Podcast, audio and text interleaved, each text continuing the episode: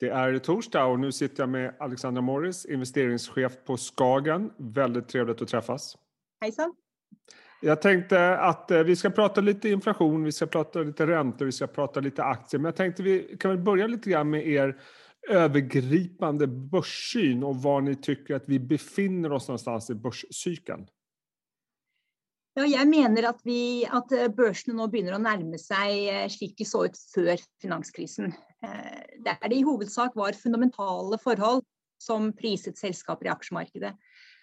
Det er ikke lenger slik at et fåtall større selskaper er de som driver børsene oppover, men en mengde ulike selskaper, eller bolag som det heter på svensk, Mm. som driver børsene.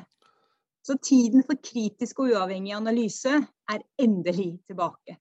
Okej. Eh, vi går inn i en ny æra nå med en ny normal, om du vil. Der en Ja. må legge til grunn at eh, tiden der børsene var bruset av sentralbankpenger, fremvekst av big tech, passive investeringer og en generell saueflokksmentalitet er forbi.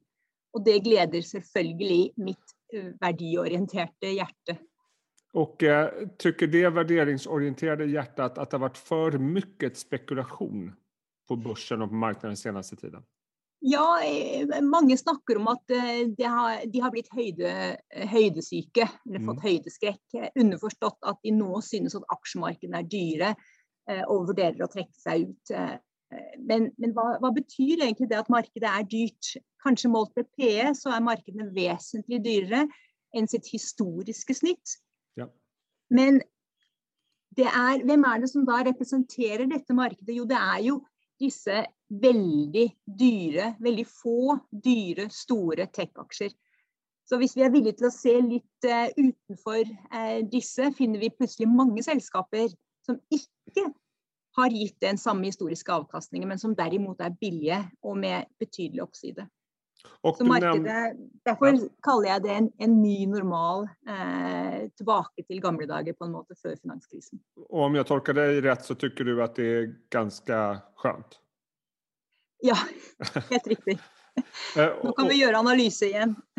Og, og, du nevnte der eh, passiva fløden. Det er en annen diskusjon vi har haft i marknaden. Hva det er som styr de här eh, ganska tvära kasten vi har sett i enskilda sektorer och aktier. Om det är aktiva flöden som styr det passiva eller passiva som styr det aktiva. Vad tycker du? Nei, eh, Passive, eh, passiva aktier eller passive investorer Mm. kan ikke styre noen ting. De, er, de følger bare aktive forvaltere. Så det er aktive forvaltere som setter prisen. Ja. Eh, Och eh, annars är det stora temat just nu, som jag tror att jag pratar med alla förvaltare om just nu, det är ju inflationsoron. Eh, Och om den här är uppgången vi har sett, om den är bestående eller om den är temporär. Hur resonerar ni kring det? Ja, det er jo morsomt å se at det er ingen som tør å spå at inflasjonen har kommet tilbake. Eh, for sier vi det, så blir vi jo selvfølgelig redde for at aksjemarkedene skal kollapse.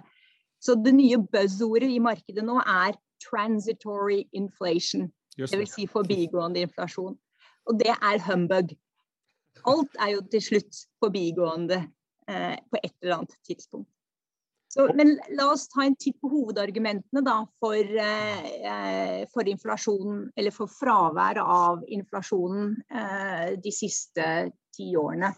Eh, det ene er jo globalisering. Eh, det skjøt jo for alvor fart da Kina ble med i WTO, eller World Trade Organization, i 2001. Og førte jo til en storstilt flytting av produksjonskapasitet til lavkostland. Og holdt inflasjonen nede. Så har vi hatt eh, produktivitetsøkning gjennom eh, teknologiutvikling. Så har vi hatt en økning i arbeidende populasjon, eller demografi. Mm. Eh, Hvor vi har sett hundrevis av millioner mennesker flytte fra landsbygda og inn i byene og begynt på fabrikkene.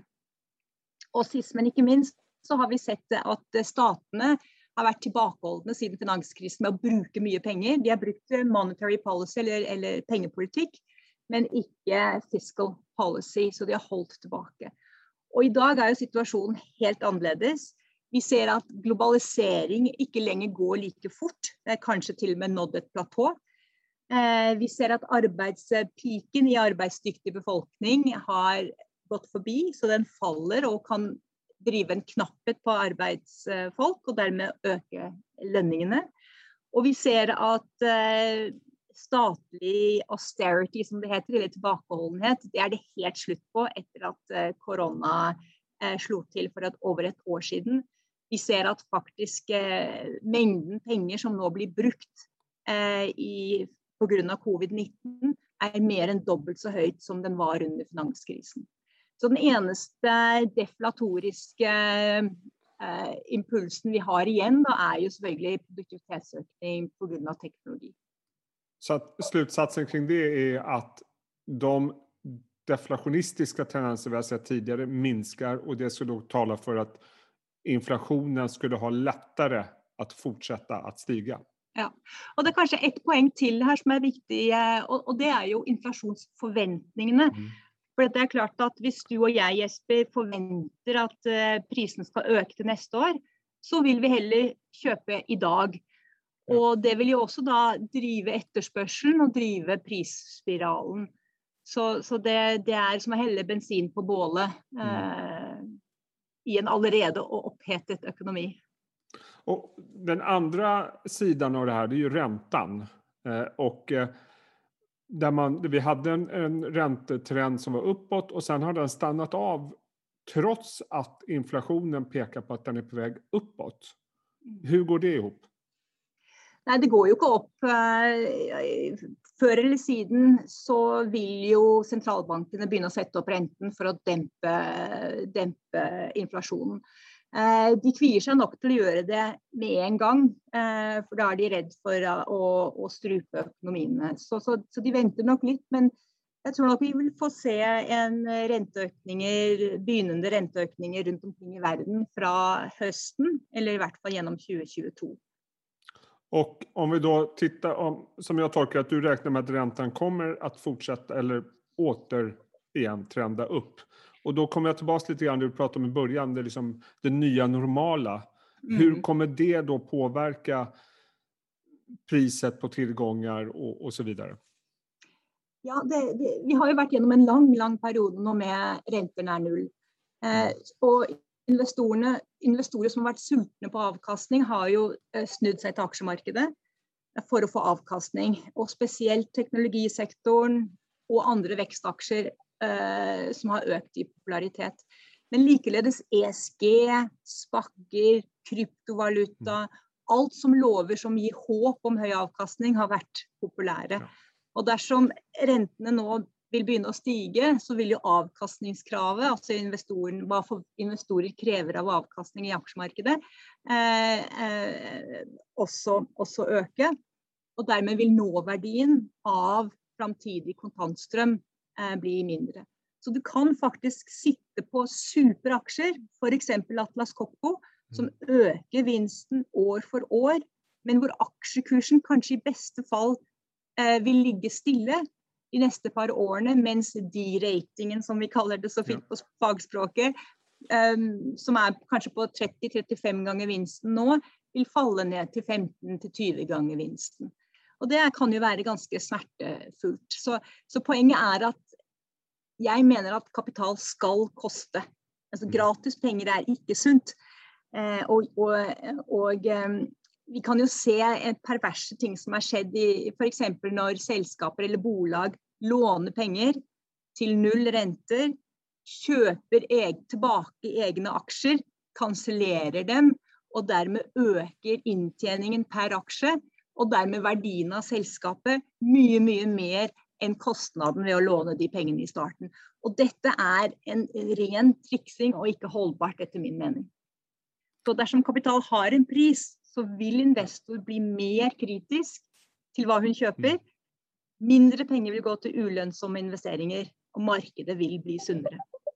Og, og, hva innebærer det da? Den andre diskusjonen just nå, det er jo liksom value mot uh, growth.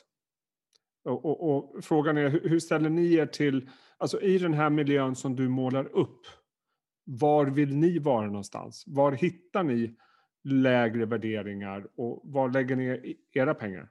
Ja, Ja, nei, vi er jo, Skagen er jo et valuehus, så, ja. så, dette er jo et marked hvor eh, vi finner uh, veldig gode muligheter. Så Dersom eh, inflasjonen vedvarer og, og, den sterke gjeninnhentingen etter covid og bruken av statlige midler, så vil vi finne bolag, så er det veldig viktig at vi finner bolag som har prisingsmakt. Det er liksom det, det viktigste du gjør hvis det er en mm. inflasjon i markedet. Finne, finne bolag som har makt over egen pris. Og det kan vi finne i alle sektorer. Eh, men for all del unngå bolag som ikke kan styre prisen på egne produkter. Og utover det så ser vi jo eh, så er det viktig å se på hvor er det aktivitet i økonomien. Hvor er det størst eh, mm. endring eller vekst. Og da kan man se på konsumenten, på deg og meg. Nå har vi mye sparepenger i banken fordi vi ikke har brukt penger på lenge. Eh, hva vil vi gjøre? Skal vi kjøpe en bil, tvettmaskin, gressklipper, klær eller kanskje en sydentur? Mm. Eh, og hva skal myndighetene bruke eh, stimulipengene til? Er det bygging av skoler, veier, eh, ny eh, ren energi eh, osv.? Eh, og så kan du også se på ok, hvis renten stiger, hvem er det da som vil tjene på det? På finanssektoren. Banker vil øke rentemarginen. Og med den store aktiviteten vi ser i økonomien, så vil de også kanskje vokse utlånsmassen.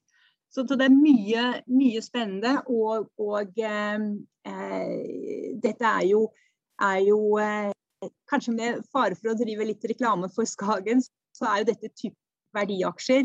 Det er finans, industri, råvarer, byggevarer, biler, klær. En god plass å være eh, akkurat nå. Så at eh, banker til eksempel, som har haft, eh, fått en återhentning under 2021 etter å ha gått veldig svagt under en lengre tid. der tror ni at det finns fortfarande eh, uppsida i dem?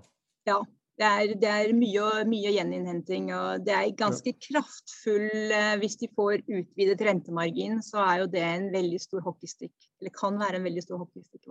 Og, og om man tittar på sykliske aktier, du nevnte Atlas Copco som er, de har jo en, en fantastisk marknadsposition, men, men, vurderingen er jo også deretter, som du nevnte.